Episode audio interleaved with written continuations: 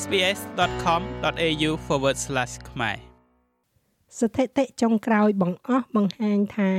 នៅក្នុងប្រទេសអូស្ត្រាលីស្ត្រីជាង3ភាគ4បានចូលរួមការថែទាំគ័រនៅក្នុងរយៈពេល14សប្តាហ៍ដំបូងនៃការមានផ្ទៃពោះអ្នកដែលមិនសូវស្វែងរកការថែទាំនៅក្នុងរយៈពេល3ខែដំបូងនោះរួមមានស្ត្រីដែលកើតនៅក្រៅប្រទេស និងស្ត្រីវ័យក្មេង អ្នកជំនាញផ្នែកសុខភាពនិយាយថាការចាប់ផ្ដើមពិនិត្យផ្ទៃពោះឲ្យបានឆាប់នៅពេលដែលមានគ័រអាចធ្វើឲ្យមានភាពខុសគ្នាខ្លាំងដូច្នេះតើហេតុអ្វីបានជាវាមានសារៈសំខាន់ម្ល៉េះដុកទ័រ Adeli Merdolo គឺជានាយកប្រតិបត្តិនៅមជ្ឈមណ្ឌលពហុវប្បធម៌សម្រាប់សុខភាពស្ត្រីនៅទីក្រុង Melbourne លោកស្រីនិយាយថាការថែទាំផ្ទៃពោះមានគោលបំណងពង្រឹងសុខភាព និងបង្ការពីជំងឺទាំងស្ត្រីមានផ្ទៃពោះនិងកូនរបស់នាង។ seeing your health practitioner at a really early point ចូលទៅជួបគ្រូពេទ្យជំនាញរបស់អ្នកនៅដំណាក់កាលដំបូងដូច្នេះការកក់ទុកឲ្យបានឆាប់នៅពេលដែលអ្នកដឹងថាអ្នកមានផ្ទៃពោះហើយបន្ទាប់មកទៅតាមការណាត់ជួបជាទៀងទាត់ទាំងនោះដោយសារតែការថែទាំផ្ទៃពោះជួយឲ្យគ្រូពេទ្យអាចដឹងបានថា តើមានសញ្ញាណាមួយនៃបញ្ហាណាមួយនៅក្នុងអំឡុងពេលមានផ្ទៃពោះដែរឬទេយោងទៅតាមទិន្នន័យដែលចេញផ្សាយដោយវិទ្យាស្ថានសុខភាពនិងសុខុមាលភាពអូស្ត្រាលី AIHW នៅក្នុងឆ្នាំ2019ស្ត្រី55%បានទៅពិនិត្យមើលថែទាំគ័រនៅក្នុងរយៈពេល10សប្តាហ៍ដំបូងនៃការមានផ្ទៃពោះ ស្ត្រីអន្តោប្រវេសន៍គឺជាក្រុមមួយក្នុងចំណោមក្រុមទាំង4ដែលត្រូវបានគេកំណត់ថាមិនសូវមានឱកាសទៅពិនិត្យផ្ទៃពោះក្នុងត្រីមាសទី1វិជ្ជបណ្ឌិតមើដូឡូពន្យល់ We know that migrant women access anti យើងដឹងថាស្ត្រីអន្តោប្រវេសន៍បានទៅទទួលយកសេវាថែទាំផ្ទៃពោះយឺតជាងស្ត្រីដទៃទៀតដែលមិនមែនជាជនចំណាក់ស្រុកហើយរដ្ឋាភិបាលអូស្ត្រាលីណែនាំមកថាស្ត្រីគួរតែធ្វើការណាត់ជួបមើលថែទាំគ័រដំបូងរបស់ពួកគេ នៅក្នុងរយៈពេល10សប្តាហ៍ប៉ុន្តែយើងដឹងថាសម្បីតែបន្ទាប់ពី20សប្តាហ៍ហើយក៏ដោយមានស្ត្រីអន្តោប្រវេសន៍20%ដែលមិនបានទទួលនៅសេវាថែទាំផ្ទៃពោះទាំងនេះគឺជាតួលេខនៅទូទាំងប្រទេសអូស្ត្រាលី ប៉ុន្តែនៅពេលដែលអ្នកក្រឡេកមើលតំបន់ជាក់លាក់មួយចំនួនដែលមានគុណវិបត្តិសេដ្ឋកិច្ចសង្គមកាន់តែច្រើន អត្រាគឺកាន់តែទាបហើយយើងក៏ដឹងផងដែរថាមានក្រមស្ត្រីចំណាក់ស្រុកដែលពិតជាមិនបានទទួលការថែទាំផ្ទៃពោះទាល់តែសោះដុកទ័រ Merdolo មានប្រសាសន៍ថាការត្រួតពិនិត្យឲ្យបានទៀងទាត់អាចរកឃើញនិងការពារកុំឲ្យកើតជំងឺស្មុគស្មាញបាន There are some conditions that migrant and refugee women មានលក្ខខណ្ឌជំងឺមួយចំនួនដែលស្ត្រីចំណាក់ស្រុកនិងជនភៀសខ្លួន មានអត្រាកើតខ្ពស់គឺជំងឺទឹកនោមផ្អែមនៅពេលមានគភ៌ លើសឈាមនៅពេលដែលមានគភ៌និងការដែលកើតមិនគ្រប់ខែដូច្នេះប្រសិនបើមានបញ្ហាណាមួយក្នុងអំឡុងពេលមានគភ៌ជាញឹកញាប់បំផុតស្ថានភាពនោះឬក៏ហានិភ័យនៃជំងឺនោះត្រូវបានគេដឹងមុនដូច្នេះអ្នកអាចចាត់វិធានការបង្ការដោយខ្លួនឯងឬគ្រូពេទ្យអាចឲ្យថ្នាំដើម្បីបង្ការបញ្ហានោះបានមិនត្រឹមតែនៅក្នុងអំឡុងពេលមានផ្ទៃពោះប៉ុណ្ណោះទេប៉ុន្តែគឺនៅដំណាក់កាលសម្រាប់កូនផងដែរ។ លោកស្រី Amanda Henry គឺជាសាស្ត្រាចារ្យរងផ្នែកសម្ភពនិងរោគស្ត្រីនៅសាកលវិទ្យាល័យ New South Wales និងជាគ្រូពេទ្យផ្នែកសម្ភពនៅមន្ទីរពេទ្យសាធារណៈ St George និងមន្ទីរពេទ្យស្ត្រី Royal Women Hospital នៅទីក្រុង Sydney លោកស្រីនិយាយថាមានការណែនាំមកថាការទៅជួបពិនិត្យគ័រលើកដំបូងគឺក្នុងរយៈពេល10សប្តាហ៍ដំបូងនៃការមានផ្ទៃពោះមិនមែនបន្ទាប់ពីសប្តាហ៍ទី14នោះទេ The test that we do um routine ការធ្វើតេស្តដែលយើងធ្វើ គឺជាការធ្វើតេស្តតាមទម្លាប់នៅក្នុងការមានផ្ទៃពោះដែលចែកចេញជា3ប្រភេទធំធំមានការធ្វើអុលត្រាសោនមានប្រភេទធ្វើតេស្តឈាមនិងទឹកនោមហើយបន្ទាប់មក មានការធ្វើតេស្តផ្សេងផ្សេងទៀតដូចជាការពិនិត្យមាត់ស្បូនពិនិត្យសម្ពាធឈាមនិងពិនិត្យសុខភាពផ្លូវចិត្ត សាស្ត្រាចារ្យ Henry និយាយថាការណាត់ជួបដំបូងគឺជាការពិគ្រោះយោបល់ជាមួយនឹងវិជ្ជបណ្ឌិតពិនិត្យជំងឺទូទៅឬហៅថា GP When a woman first finds out she's pregnant នៅពេលដែលស្ត្រីដឹងជាលើកដំបូងថានាងមានផ្ទៃពោះជាញឹកញាប់បំផុតនាងនឹងទៅជួបគ្រូពេទ្យដើម្បីបញ្ជាក់ហើយបន្ទាប់មកនៅពេលនោះ GP នឹងធ្វើការវិតម្លៃដំបូងរួមទាំងវាស់សម្ពាធឈាមរបស់ស្ត្រី និងពិនិត្យមើលថាតើនាងមានបញ្ហាសុខភាពធ្ងន់ធ្ងរដែលអាចប៉ះពាល់ដល់ការមានផ្ទៃពោះឬអត់ហើយបន្ទាប់មកគ្រូពេទ្យនឹងចេញនៅវិជ្ជបញ្ជាឲ្យធ្វើតេស្តឈាមនិងធ្វើតេស្តទឹកនោម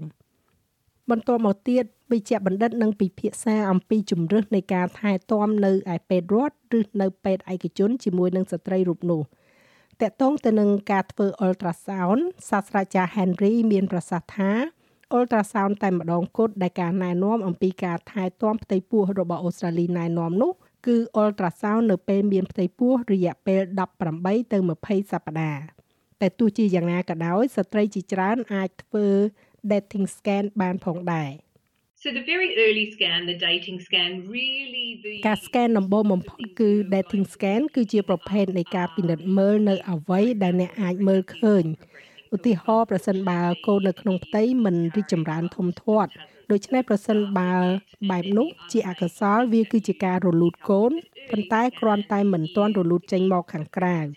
ហើយរឿងសំខាន់មួយទៀតដែលអ្នកអាចធ្វើការ scan មុនបាននោះគឺប្រសិនបើគាត់ស្ថិតនៅក្នុងកន្លែងខុសដូច្នេះមិនមែននៅខាងក្នុងស្បូនទេអ្វីដែលគេហៅថាជាការមានផ្ទៃពោះក្រៅស្បូនការពិនិត្យបន្ទាប់មកទៀតដែលស្ត្រីជាច្រើនអាចធ្វើបាននោះគឺប្រហែលជានៅ11ទៅ13សប្តាហ៍នៃការមានផ្ទៃពោះ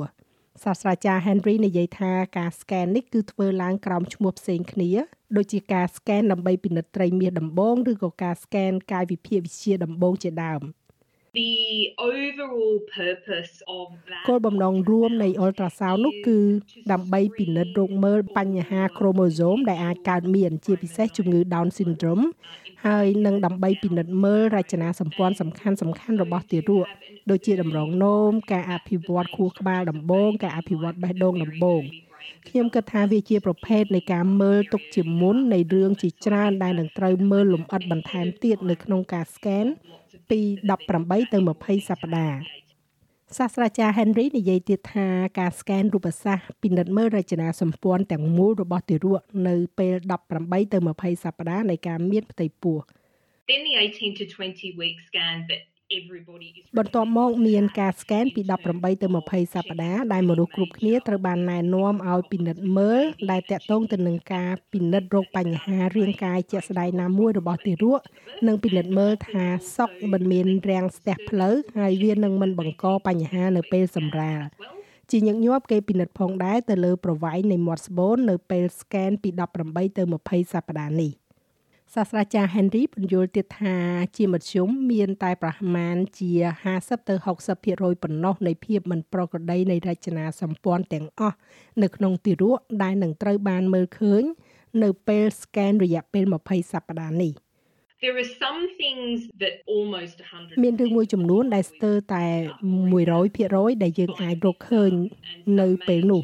ឧទាហរណ៍គឺបញ្ហាឆ្អឹងកងខ្នងនិងបញ្ហាតម្រងនោមសំខាន់សំខាន់មួយចំនួន ប៉ុន្តែបញ្ហាមួយចំនួនផ្សេងទៀតដូចជាបញ្ហាបេះដូងតិចតួចអាចថាមើលមិនឃើញនិងបញ្ហាផ្សេងផ្សេងនៃក្រងឆ្អឹងជាមួយនឹងក្រងឆ្អឹងរបស់ទារកពិតជាមើលមិនច្បាស់ទេរហូតដល់ពេលក្រោយមកទៀតនៃការមានផ្ទៃពោះយោងទៅតាមសាស្ត្រាចារ្យ Henry មិនមានការធ្វើតេស្តណាមួយឬសូម្បីតែការធ្វើតេស្តរួមបញ្ចូលគ្នាដែលអាចផ្ដល់ការធានាបាន100%ថាទារកនឹងមានសុខភាពល្អនោះទេ ដុកទ័រ Merdolo មានប្រសាសន៍ថាទោះជាយ៉ាងណាក៏ដោយ ការថែទាំមុនពេលសម្រាលបានល្អអាចជួយឲ្យរកឃើញនឹងការពារផលវិបាកឬសូម្បីតែការពារកុំឲ្យកូនស្លាប់ក្នុងផ្ទៃនៅក្នុងករណីខ្លះ There is a certain percentage of stillbirth that can be មាន prevented ភាគរយជាក់លាក់នៃការសម្រាលកូនមិនរួច ដែលអាចការពារបានដោយគ្រាន់តែធ្វើនៅរឿងសាមញ្ញសាមញ្ញដែលម្ដាយអាចធ្វើបាន ដោយគ្រូពេទ្យអាចជួយបាននៅដំណាក់កាលដំបូង ដូច្នេះវាមានសារៈសំខាន់ខ្លាំងណាស់នៅក្នុងការលើកឡើងពីបញ្ហានេះក្នុងអំឡុងពេលមានផ្ទៃពោះវិជ្ជបណ្ឌិតមើដូឡូណែនាំឲ្យស្ត្រីកក់ការណាត់ជួបជាលើកដំបូងជាមួយនឹងវិជ្ជបណ្ឌិតប្រចាំគ្រួសាររបស់ពួកគេភ្លាមភ្លាមនៅពេលដែលពួកគេដឹងថាពួកគេមានផ្ទៃពោះព្រោះថាវាអាចមានរយៈពេលរងចាំដែលត្រូវរងចាំមួយរយៈលោកស្រីនិយាយថាស្ត្រីដែលមិនចេះភាសាអង់គ្លេស ច្រើនតែមិនដឹងថាខ្លួនអាចមានអ្នកបកប្រែនៅក្នុងពេលសម្រាប់កូននោះទេ